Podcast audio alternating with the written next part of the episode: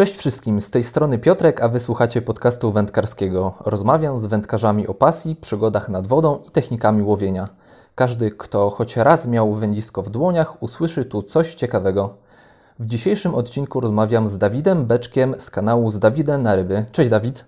Witam serdecznie, hej. Yy, powiedz od razu, kiedy ostatnio byłeś na rybach? A no tak się składa, że chwilę temu z tych ryb wróciłem.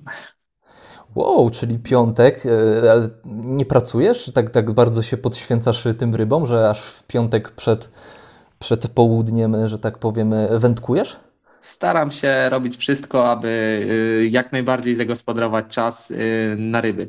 Pracuję dość ciężko i intensywnie, ponieważ obecnie mm, działam powiedzmy w, róż, w trzech różnych powiedzmy firmach, ale mimo to zawsze staram się ten czas zagospodarować, żeby chociaż jeden dzień w tygodniu poza weekendem mieć wolny, ponieważ uważam, że wtedy łowienie jakichkolwiek ryb jest dużo skuteczniejsze, przyjemniejsze, gdy nie ma tłoku nad wodą, gdy tych wędkarzy jest mało.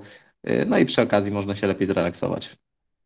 No i to się nazywa prawdziwa pasja, gdzie poświęca się, że przekłada się właśnie pasję ponad pracę i właśnie układa sobie życie, żeby tej pasji było jak najwięcej. No, powiem Ci, zaimponowałeś mi w tej chwili. a powiedz, a gdzie łowiłeś? Gdzie łowisz? Byłem na jednej y, z pstrągowych rzeczek, górski odcinek. Łowiłem pstrągi oczywiście. Na początek roku jest jest to moja ulubiona rybka, tak póki się nie zaczną szczupaki, sandacze, pstrągi, y, strasznie mi chodzą po głowie. Praktycznie innych ryb mógłbym nie łowić w tym okresie. Y, nieźle udało się połowić, było sporo kontaktów, sporo ryb, y, aczkolwiek bez większych okazów. Sama drobnica dzisiaj.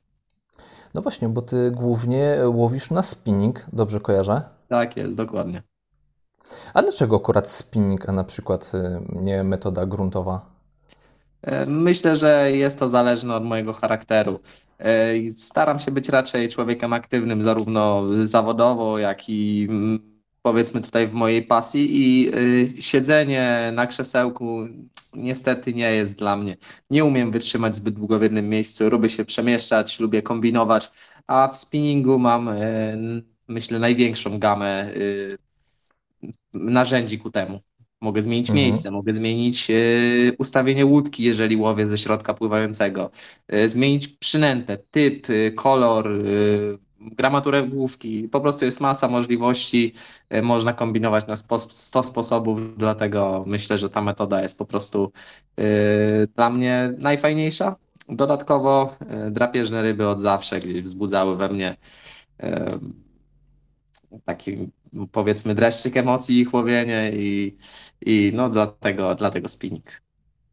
Ok, czyli według Ciebie łowienie na spinning, tak jak sam powiedziałeś, jest nudne, a ja y, y, mam taką opinię, że głównie wędkarze zaczynają swoją przygodę właśnie od łowienia na, na spławik, bo wydaje mi się, że to jest y, rzecz taka najprostsza, tak? gdzie, gdzie, gdzie uczymy się zarzucać. U Ciebie jak było? Od razu, że tak powiem, zacząłeś z, z wysokiego C i łowiłeś na spinning, czy jednak ta przygoda zaczęła się od spławika? Nie, nie, oczywiście moja przygoda zaczynała się od spławika, poprzez y, wędkarstwo gruntowe, później y, powiedzmy można powiedzieć, że przerodziło się to w feder. Y, przez jakiś czas mieszałem, zresztą no, do dzisiaj zdarza mi się czasem zarzucić inną wędkę niż spinningową, e, aczkolwiek to był długi proces do tego momentu, który jest teraz, że staram się skupiać przede wszystkim na spinningu. Mhm. A gdzie najczęściej łowisz? To jest rzeka, jezioro? To zależy od pory roku.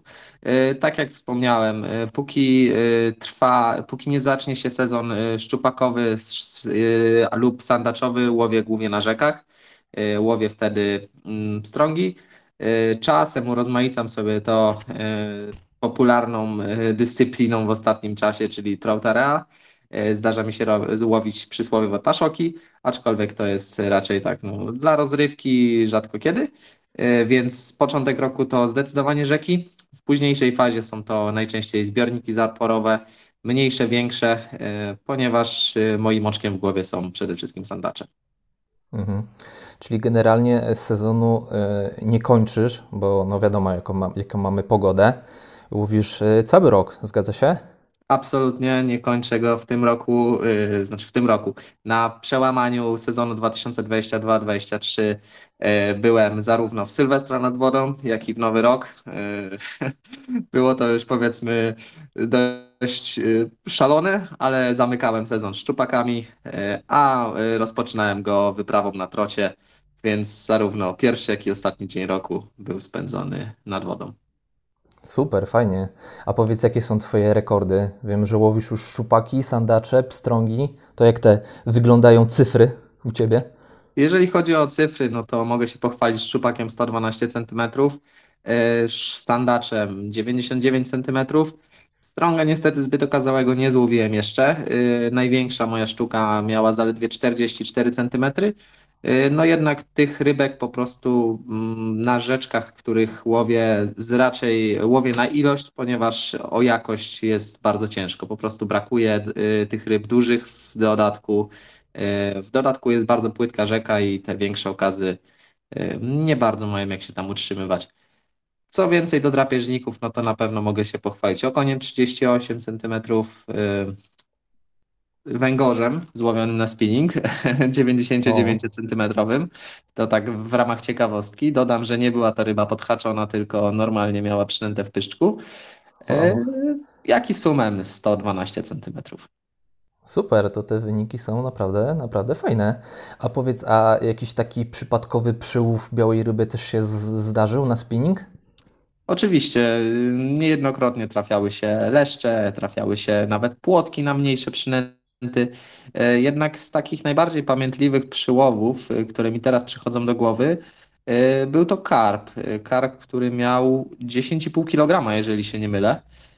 On akurat był podhaczony, nie będę kłamał, no była to ryba po prostu podpięta, aczkolwiek mając chyba 13-14 lat, gdy tą poczułem siłę tej ryby na wędce, no to naprawdę wtedy przyniosła mi sporo emocji i radości to zawsze jest taka naprawdę e, przygoda i, i taka niespodzianka, kiedy, kiedy holujesz, tak, jesteś przekonany, że to jest jakiś ospały drapieżnik, a tu nagle się okazuje, o, niespodzianka. O tak, tak. O, tysiące myśli w głowie mi towarzyszyły, szczególnie wtedy, kiedy gdzieś powoli zacząłem tą rybę y, obserwować. Okej, okay. a powiedz, e, według Ciebie, który gatunek najtrudniej jest złowić i dlaczego? E, z moich doświadczeń obecnie mogę powiedzieć, że najtrudniej jest złowić troć, ponieważ próbowałem tą rybę łowić e, drugi rok z rzędu, drugie otwarcie sezonu spędzałem e, szukając tej ryby i nie udało mi się. Pierwszym razem powiedzmy znokautowała mnie pogoda, ponieważ był bardzo wysoki stan rzeki, woda była brudna, mętna i w tej wodzie, na której wtedy łowiłem, raczej złowienie jakiejkolwiek ryby było graniczyło z cudem. W tym roku zobaczyłem trociowanie zupełnie z innej strony, ponieważ rzeka była czysta, była, yy, od, był jej odpowiedni stan. Dodatkowo znajdowały się ryby w rzece, które widziałem, spławiały się, chodziły mi pod nogami w niektórych momentach, ale pomimo nawet godzinnego rzucania yy, pod nos tej rybie różnymi przynętami, ona miała mnie totalnie gdzieś. Nie chciała ze mną współpracować i po prostu pokazała swoje humorki. Zobaczyłem, że naprawdę nie jest to proste i złowienie troci wiąże się z ogromnym szczęściem, ale i dużym poświęceniem właśnie z czasowym, przynętowym, ponieważ często na rzekach trociowych y, masę rwiemy więc z moich doświadczeń myślę, że troć jest najtrudniejszą rybą do złowienia, aczkolwiek jeszcze jest y, inny przedstawiciel y, ryb łososiowatych, głowacica. Jej nigdy nie miałem przyjemności łowić, ale słyszałem, że jest jeszcze trudniejsza. O, no tak, tak, tak. Głowacice też to jest tak dosyć wymagająca ryba, prawda? A powiedz, a czym chciałeś skusić, e, na, na co chciałeś skusić e, te trocie? To były woblery, e, tak, blaszki? przede wszystkim, przede wszystkim próbowałem łowić woblerami, jednak również w grę wchodziły wahadłówki, E, obrotówki odpowiednio dociążone, ponieważ trocie y, na tych rzekach, na których ja miałem przyjemność wędkować, y, te rzeki są dość głębokie, więc bardzo dobrze dociążone obrotówki, wahadła, no i pływające woblery. Okej, okay, a powiedz, czy potrafisz być skuteczny na nieznanej wodzie? Powiedzmy, wyruszasz do innego województwa, trafiasz po drodze na jakąś rzeczkę, masz ze sobą kij i, i co wtedy robisz? Czy potrafisz, że tak powiem, złowi, złowić coś w nieznanej rzece? Tak, tak. W większości wypadków raczej e, nie stanowi to dla mnie problemu. Jeżeli chodzi o rzeki, mm, myślę, że moje pstrągowe doświadczenia e, pozwalają mi na tyle, że większość rzek, szczególnie tych małych lub średnich, jest dla mnie na tyle czytelna, że radzę sobie na nich dość dobrze. Gorzej jest na pewno w wypadku dużych rzek, takich jak Wisła, ponieważ z nimi akurat nie do końca mi po drodze. E, I również, jeżeli w grę wchodzi nowa zaporówka, jeżeli mamy Hosondę, to sobie poradzę. A powiedz, a co na, co zwra- na co zwracać uwagę, jeżeli jesteśmy właśnie w takim nowym miejscu i chcemy po prostu coś złowić? E, przede wszystkim, jeżeli chcemy coś złowić, to warto zagadać z miejscowymi, żeby dowiedzieć się, co tam pływa E, zdarzało mi się też obserwować e, miejscowych, e, gdzie pływają albo w którym rejonie danego zbiornika lub rzeki najczęściej przebywają. No bo jednak nie nic nie zastąpi lat doświadczenia, więc to, co ci wędkarze miejscowi gdzieś tam nauczyli się w poprzednich swoich latach wędkowania, możemy choć troszkę tam od nich podpatrzeć. Dodatkowo mm, skupić się na tym, co dawało nam e, ryby na naszych wodach. Jeżeli widzimy podobne miejscówki, e, podobne ukształtowanie dna, e, podobne brzegi lub zaczepy, to na pewno w tych rejonach powinniśmy szukać. Okej, okay, super. Um, teraz wyobraźmy sobie taką sytuację, że przychodzi do Ciebie początkujący adept wędkarstwa, y, mówi do ciebie: Dawid, słuchaj, mam taki spinning, jakiś taki kołowrotek, ale powiedz mi, y, co powinienem mieć w pudełku, jakie przynęty, żeby zacząć łowić na spinning, żeby to było łatwe, proste, no i przede wszystkim skuteczne. Co byś polecił? Takie top 3 przynęty. To tu musimy się na pewno skupić y, na rybę. Ten młody adept by się chciał nastawić.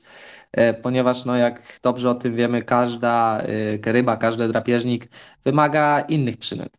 Na pewno e, dla, do takiego podstawowego wędkowania na wodach nizinnych, czy to rzeka, czy zbiornik, poleciłbym klasyczne riperki typu Fish Hunter. Dodatkowo warto mieć również gumę z ogonem twisterowatym, ponieważ czasem ta praca też wpływa pozytywnie na reakcję ryby. I myślę, że mm, nie ma co kombinować. Na początek raczej skupmy się na banałach, na takich oklepanych klasykach, które dawały ryby mm, wielu innym wędkarzom wcześniej, a dopiero w momencie, kiedy wejdziemy na wyższy poziom i zobaczymy, że to rzeczywiście jest dla nas, to wtedy mm, inwestujmy i kupujmy e, lepsze sprzęty, e, droższe gumy, droższe e, przynęty, wędki, kołowrotki itd. Tak itd. Tak a czy cykada to jest dobra, dobra przynęta na, na początek? Ja pamiętam, że też na początku mojej powiedzmy kariery wędkarskiej miałem właśnie w pudełku cykadę i ona dosyć łatwo się prowadziła. Szczerze mówiąc, y, myślę, że nie jest to rzeczywiście jakaś skomplikowana y, przynęta w obsłudze. Raczej y, ma własną pracę, którą wystarczy nadać ruchem kołowrotka. Jednak ja do tej przynęty nie jestem przekonany. Jakoś nigdy nie miałem okazji zbyt dużo na nią łowić, co nie znaczy, że nie jest ona skuteczna. Dobrze, to w takim razie powiedz właśnie, które przynęty są bardziej skierowane do, do tych bardziej doświadczonych wędkarzy, która się, że tak powiem, przynęta, której się trzeba nauczyć, która ma, no, trudno ją się prowadzi, ale ale no właśnie jest skierowana dla tych bardziej doświadczonych wędkarzy według Ciebie? E, myślę, że przede wszystkim e, możemy tutaj e, powiedzieć o przynętach, którym wędkarz musi, przy których wędkarz musi dodać coś od siebie. Nie są to przynęty, które po prostu zaczniemy kręcić kołowrotkiem i one będą pracować. Na pewno taką przynętą może być jaskółka, ponieważ ona sama w sobie nie pracuje. Ma jakieś tam minimalne ruchy ogonkiem, co prawda. E, jednak, e, tak jak powiedziałem, nie ma pracy własnej. Musimy tutaj wszystko, wszystkie ruchy, które my wykonujemy, e, potem oddziałują na pracę tej jaskółki, więc im lepiej ją poprowadzimy, tym skuteczniejsze będzie nasze łowienie. Im więcej mhm. finezji w tym wszystkim będziemy mieli. Okej, okay, a jakieś takiego typu woblery bezsterowe to też jest coś, coś trudnego dla takiego początkującego? Woblery bezsterowe. Myślę, że mówisz o dżerkach. Tak, tak, tak. Raczej tak. nie. Raczej te przynęty, rzeczywiście tutaj możemy nadać różnorakie prace, ponieważ y, tę przynętę możemy prowadzić tak naprawdę na wiele sposobów. Jednak do takiego najprostszego łowienia woblerem bezsterowym raczej nie trzeba wiele doświadczenia.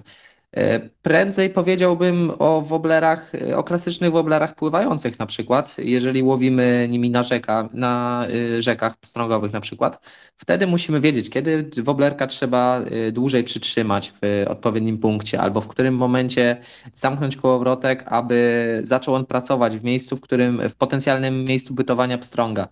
E, dlatego akurat w tym wypadku prędzej bym powiedział, że klasyczny pływający wobler ze sterem e, jest trudniejszy w obsłudze niż e, jerk bezsterowy. Mhm, Okej, okay. dobrze, to skoro jeszcze jesteśmy przy przynętach, powiedz, czy stosowałeś kiedyś przynęty, właśnie woblery handmade? Zdarzało mi się, tak, jak najbardziej. Nawet mój kolega kiedyś próbował robić przynęty, aczkolwiek mm, nie mogę mówić tutaj o jakiejś e, ogromnej skuteczności po prostu dlatego, że nie stosowałem ich e, zbyt często i zbyt długo. Okej, okay, rozumiem. A sam też nie próbowałeś nigdy coś stworzyć własnego, wystrugać? Nie, właśnie akurat w tej kwestii zawsze byłem jakoś nigdy mi się, może nie tyle co nie podobało, tylko nigdy nie miałem ręki do tworzenia przynęt, spławików lub jakichkolwiek akcesoriów wędkarskich. Tak jak wspomniałem, mój jeden znajomy miał swoje takie okresy w życiu, kiedy malował główki, kiedy robił spławiki, obrotówki, woblery, ale mi jakoś nigdy nie było to dane. Wolałem łowić na masową produkcję. Okej, okay, rozumiem. Pomimo, że ryba złowiona na własną przynętę na pewno cieszy dużo, dużo bardziej. No, to na pewno, to na pewno.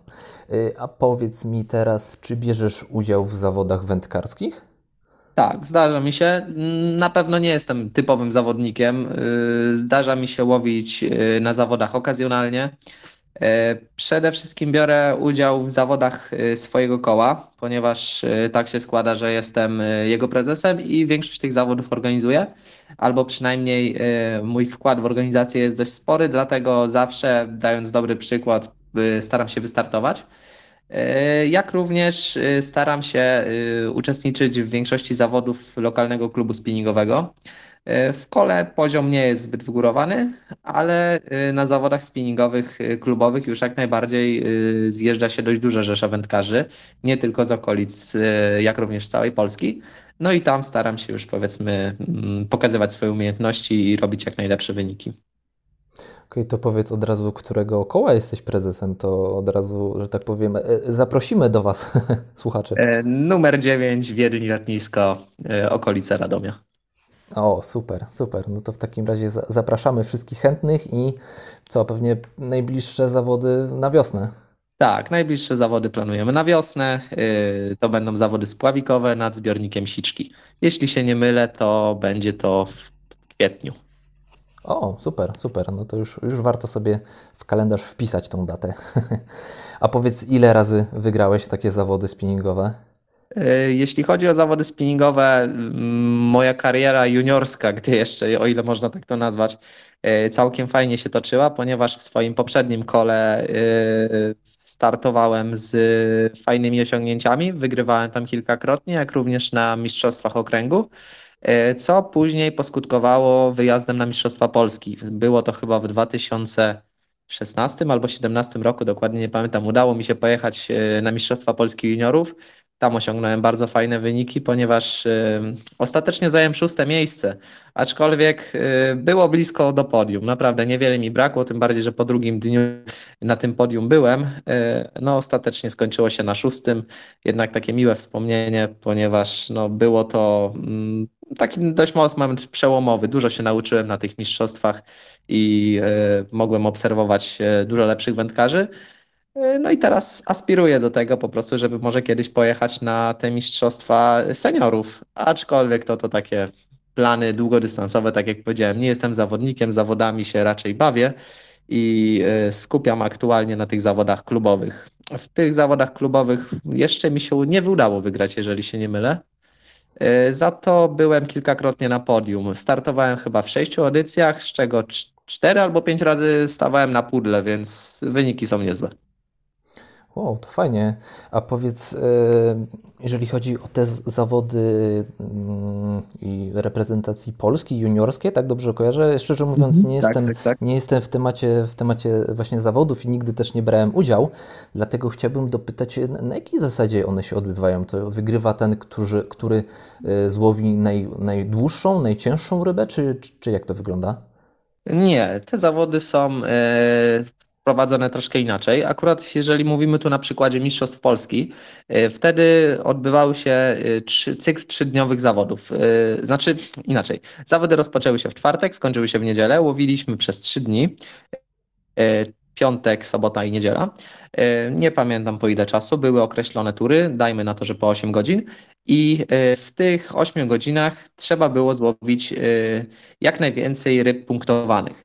E, czyli powiedzmy, e, wymiarowy okoń e, liczył się załóżmy za 50 punktów i każdy centymetr powyżej tego wymiaru dawał nam dodatkowe punkty.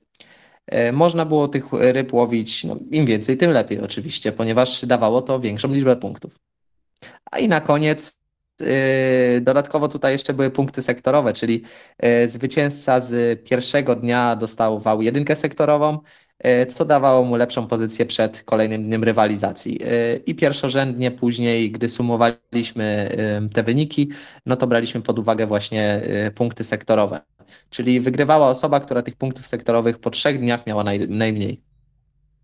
Okej, okay, a powiedz, czy każdy mógł wziąć udział w tych Mistrzostwach Polski, czy były jakieś na przykład, nie wiem, kwalifikacje wcześniej do tego turnieju? Nie, nie, nie. Właśnie na Mistrzostwa Polski jedzie dość mocno okrojona ekipa. Y, trzeba wygrać mistrzostwa koła, później zostać mistrzem okręgu i dopiero okręg y, PZW wysyła na Mistrzostwa Polski. O, no to można powiedzieć, że to taka dosyć długa droga i trzeba się wykazać no, na takich, że tak powiem, wielu, wielu wydarzeniach. Yy, tak, tak, tak. Aczkolwiek w karierze juniorskiej z reguły jest to prostsze, ponieważ jednak y, nie ma wielu y, spinningujących młodych osób. Y, I często było tak, że na przykład na zawody przyjechały dwie, trzy osoby, czasem nie było nikogo, więc te punkty wystarczy, można było nabić samą obecnością. Ale trzeba o. było być regularnym i zawsze coś złowić, bo niezłowienie ryby punktowanej w trakcie eliminacji skutkowało również negatywnym wynikiem. Okej, okay, rozumiem. No powiem Ci, ciekawy temat, ciekawy temat te za zawody wędkarskie. Yy, dobrze, dobrze, wiesz co? A ja tak teraz chciałbym troszeczkę wrócić do Twoich korzeni, bo chciałem zapytać, jak w ogóle zaczęła się Twoja pasja do wędkowania? A myślę, że to, to już yy, narodziło się, w, znaczy inaczej, przejąłem to chyba genetycznie, yy, mam to we krwi od dziecka. Yy, mój dziadek od zawsze wędkował, E, i miał również swoje gospodarstwo rybackie. Więc e, styczność z rybami miałem od dziecka i od zawsze mnie to pasjonowało. Dziadek z tego gospodarstwa, gdy były odłowy, no niejednokrotnie przywoził jakieś ryby, e, które no były oczywiście w celach konsumpcyjnych wtedy mm, przywożone. E, no i ja mogłem siedzieć, obserwować, jak on tą rybę na przykład skrobie. Po prostu zawsze lubiłem. No, lubiłem patrzeć na samą rybę. Nigdy nie lubiłem jej jeść, ale wzbudzała, sama ryba wzbudzała we mnie emocje i ciekawiło mnie to, dlaczego jedna wygląda tak, dlaczego druga tak, czym one się różnią. E, I z czasem, z czasem powiedzmy zacząłem poznawać wędkarstwo, e, co mogło mi powiedzmy tą moją ciekawość, pomogło mi tą ciekawość zaspokoić. Okej, okay, a pamiętasz ile miałeś lat, kiedy właśnie pierwszy raz wziąłeś wędkę i, ją zarzuciłeś? E, kurczę, jeżeli chodzi o moje pierwsze wędkowanie, to byłem naprawdę mały, ponieważ miałem może około 4-5 lat, jednak tego absolutnie nie można liczyć, bo mam przebłyski w pamięci, że ja tylko wtedy narzekałem, że ryby nie biorą.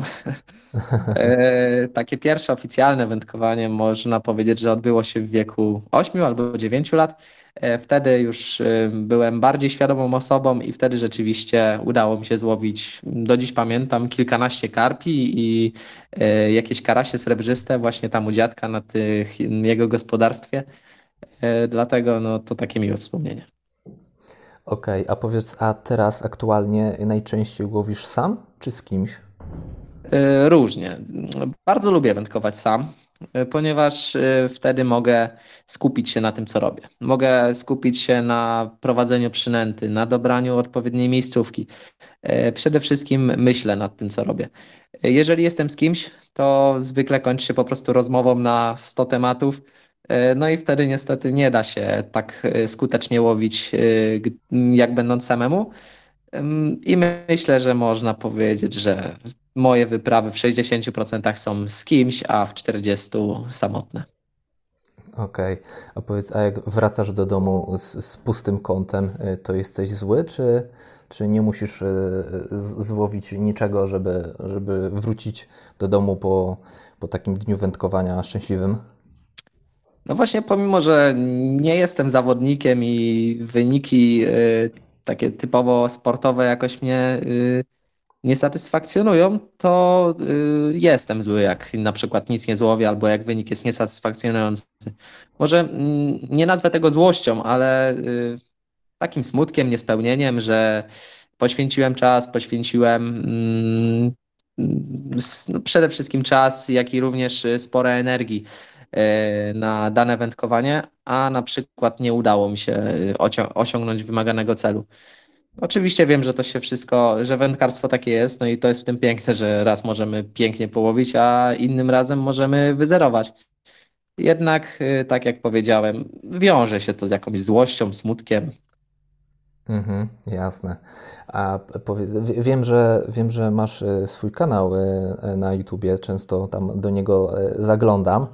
I powiedz, jak, od kiedy nagrywasz swoje wyprawy? A to jest y, też y, dłuższy temat, ponieważ pierwsze swoje wyprawy nagrywałem y, w 2016 roku, jeżeli się nie mylę.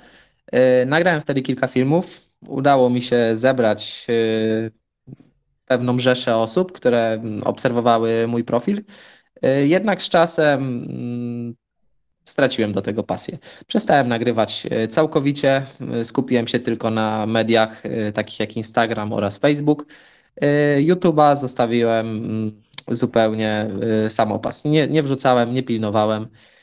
No i był to błąd, ponieważ społeczność wędkarska na YouTubie dość mocno obecnie się rozwinęła. I w poprzednim roku, w maju, czyli niespełna pół roku temu, przepraszam, lekko pół, ponad pół roku temu e, wróciłem do YouTube'a, nagrałem pierwsze filmy po przerwie. E, myślę, że jakościowo, jak i merytorycznie stoją dużo lepiej niż te stare produkcje, e, ponieważ moim takim jakby celem w przekazywaniu jakiejkolwiek, w tych filmów na YouTube'a jest przekazywanie jakiejkolwiek wiedzy.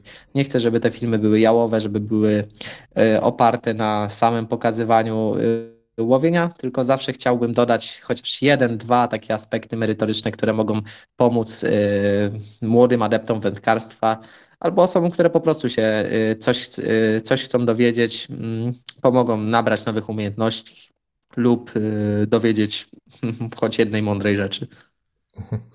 No tak, tak, jest, jest u Ciebie komentarz na, bardzo ciekawy i tak jak mówisz, no to nie jest takie sucha, suche nagranie z, z wyprawy, tylko naprawdę y, można się tam czegoś ciekawego dowiedzieć, a poza tym już masz, jak dobrze pamiętam, ponad 2000 y, obserwujących. To już dobry wynik. Myślę, że tak. Muszę przyznać, że też y, duża część tych obserwujących jest właśnie z tego pierwszego, powiedzmy, mojego rzutu filmów. E, jak zaczynałem nagrywać, też, y, co wspomniałem, społeczność na YouTubie wędkarzy była dużo mniejsza, więc wtedy łatwiej było o widzów. Obecnie widzę, że jest to bardzo trudne i każdy subskrybent jest na wagę złota, bo naprawdę e, ciężko powiększać tą swoją e, rzeszę oglądających. Y, no i tak jak powiedziałeś, obecnie stoi to na poziomie chyba ponad 2200. Myślę, że jest to niezły wynik, ale będziemy próbować go podkręcać w górę. A czy na każdą, y, na każdą wyprawę jeździsz y, z kamerą? Tak, nie zawsze jeżdżę z, z, nastawieniem nagrania filmu, ponieważ są zbiorniki, których ja absolutnie nie chcę pokazywać na filmach nie chcę ich po prostu zniszczyć. Kiedyś popełniłem ten błąd, że pokazałem miejscówki, e, które mm, powiedzmy dawały mi ryby, sporo osób miało mi to za złe i sam sobie mam poniekąd za złe, że pokazałem zbyt dużo. Dlatego kamera zawsze jest, ale nie zawsze jest y, w celach y, nagrania filmu. Czasem pamiątkową scenkę dla samego siebie lubię nagrać lub zrobić zdjęcie, ale, ale nie zawsze jest ta kamera brana z myślą o nagraniu filmu. Okej, okay, czyli, czyli rozumiem, że, że ktoś podchwycił miejscówkę i tam nagle zrobiło się dosyć tłoczną, tak? W tym, w tym miejscu, gdzie ty wcześniej łowiłeś? Tak, tak, dokładnie. No, najgorsze jest to, że jednak yy, polski wędkarz z reguły nad wodę jeździ po mięso. Nie ma co ukrywać, że większość ludzi yy, wędkuje po to, aby rybę zjeść. Jest to poniekąd logiczne i zrozumiałe, aczkolwiek większość ludzi nie, nie, zna, nie zna umiaru dodatkowo trzeba wziąć jednak pod uwagę też to, e, że jak, jaki by nie był rewelacyjny zbiornik, to duża presja wędkarska tak czy inaczej w końcu go niszczy. No tak, więc lepiej, lepiej mieć trochę tych tajemnic dla siebie, tych, tych miejscówek sekretnych i, i tego się trzymać. Dokładnie. Ja i tak myślę, że pokazuję na swoich filmach dość sporo. E, jeżeli ktoś zna wodę, na której wędkuje, to na pewno ją rozpozna i wyciągnie y, wnioski, które może potem y, zastosować. A jeżeli ktoś nie zna, no to już lepiej niech tak zostanie. Ale wydaje mi się, że, że chyba większa frajda byłaby właśnie, y, gdybym to ja osobiście na przykład znalazł taką super miejscówkę, niż, niż na przykład, nie wiem, podpatrzył gdzieś u kogoś na, na filmie na YouTubie i tam pojechał tak naprawdę na gotowe. To taka mi się wydaje trochę mniej satysfakcji byłoby wtedy złowienia. To na pewno, aczkolwiek myślę, że mało kto o tym myśli i raczej większość ludzi lubi pojechać na gotowe. No tak, właśnie, różnie to bywa. A powiedz mi teraz, czy miałeś y, kiedyś nad wodą taką sytuację, która do tej pory spędza ci sens z powiek? Na przykład zrywanie gigantycznej ryby tuż przed podbierakiem? O dziwo nie przypominam sobie takiej sytuacji. E, było oczywiście, nie jedna ryba mi spadła, nie jednej ryby żałuję, że nie udało się wyholować albo zobaczyć. E, jednak e, nie mam w głowie sytuacji, kiedy spadło mi coś gigantycznego albo straciłem coś dla mnie ważnego. Chociaż nie. Teraz mi przyszła jedna rzecz do głowy. Jeżeli chodzi o ryby, to rzeczywiście nie straciłem może żadnej ryby, która byłaby niezwykle dla mnie znacząca. Jednak straciłem raz telefon nad wodą. E, stało o. się w sposób e, dość specyficzny, ponieważ właśnie nagrywałem film. Nagrywałem telefonem w tamtym momencie. Postawiłem e, telefon na statywie, aby nagrać scenkę ze złowionym chwilę wcześniej sandaczem. Ja oczywiście wszystkie ryby wypuszczam, więc chciałem to zrobić szybko, sprawnie. Ryba czekała w podbieraku, odpoczywała. Ja sobie ustawiłem telefon na statywie, włączyłem nagrywanie, wyjmuję rybę z podbieraka pokazuję do kamery, mówię słowa, no patrzcie, jest taki ładny sandacz, myślę, że około 65 cm, a w sumie mam tutaj miarkę wyjętą, więc go zmierzę. Miarka leżała pod statywem, na ławeczce pod statywem. E, położyłem rybę na tej ławeczce, wtedy sandacz majtnął ogonem, uderzył w nogę od statywu. E, było to na ponad 11-metrowej e, wodzie, pod, pode mną było tyle głębokości, ryba uderzyła w statyw, statyw się przewrócił, uderzył o burtę pontonu, telefon wpadł i znalazł się na dnie. No, już nie było jak zanurkować. No właśnie, no strata telefonu też wielka strata, ale skoro mówisz, że, że nie było takiej sytuacji związanej z rybą, to wiesz co to znaczy? To znaczy, że wszystko przed tobą. To na pewno, to na pewno. Chociaż mam nadzieję, że te najbardziej znaczące dla mnie okazy jednak zawsze będą lądowały w podbieraku. Okej, okay. a powiedz, y, jakie plany na 2023? U, e, planów jest sporo. Zobaczymy, jak dużo uda się z nich zrealizować. Na pewno chciałbym jeszcze raz zaatakować e, trocie, ponieważ, tak jak wspomniałem wcześniej, nie udało mi się jej złowić ani w tym, ani w poprzednim roku. E, dlatego fajnie by było wyskoczyć na pewno jeszcze na rzeczne trocie. Być może uda się również odwiedzić nasz Bałtyk w poszukiwaniu morskich troci a poza tym to na pewno y, sandacze oraz być może sumy. To jest taki nadrzędny cel, który będzie przyświecał przez y, cały sezon od czerwca do mm, listopada, może nawet grudnia. Super, to w takim razie trzymam y, bardzo mocno kciuki za spełnienie tych wszystkich celów. A powiedz, a kiedy następny wyjazd na ryby? Jutro? Jutro nie, niestety jutro muszę odpracować Sylwestra, ponieważ mój wyjazd na trocie wiązał się również z, ze spędzeniem samotnie Sylwestra, więc musiałem moją dziewczynę zostawić w domu, więc ten weekend poświęcam jej, aby mieć czyste konto. Następne ryby Dokładnie. myślę dopiero w przyszłym tygodniu. Super, super. Dziękuję Ci bardzo za ciekawą rozmowę. Życzę powodzenia na rybach. Życzy się jeszcze połamania kija, czy to jest jakieś pas? Życzy się, życzy. Może trochę przedawniony termin, ale on dalej funkcjonuje. Dobrze, to w takim razie dzięki za rozmowę i połamania. Również dziękuję. Wszystkiego dobrego.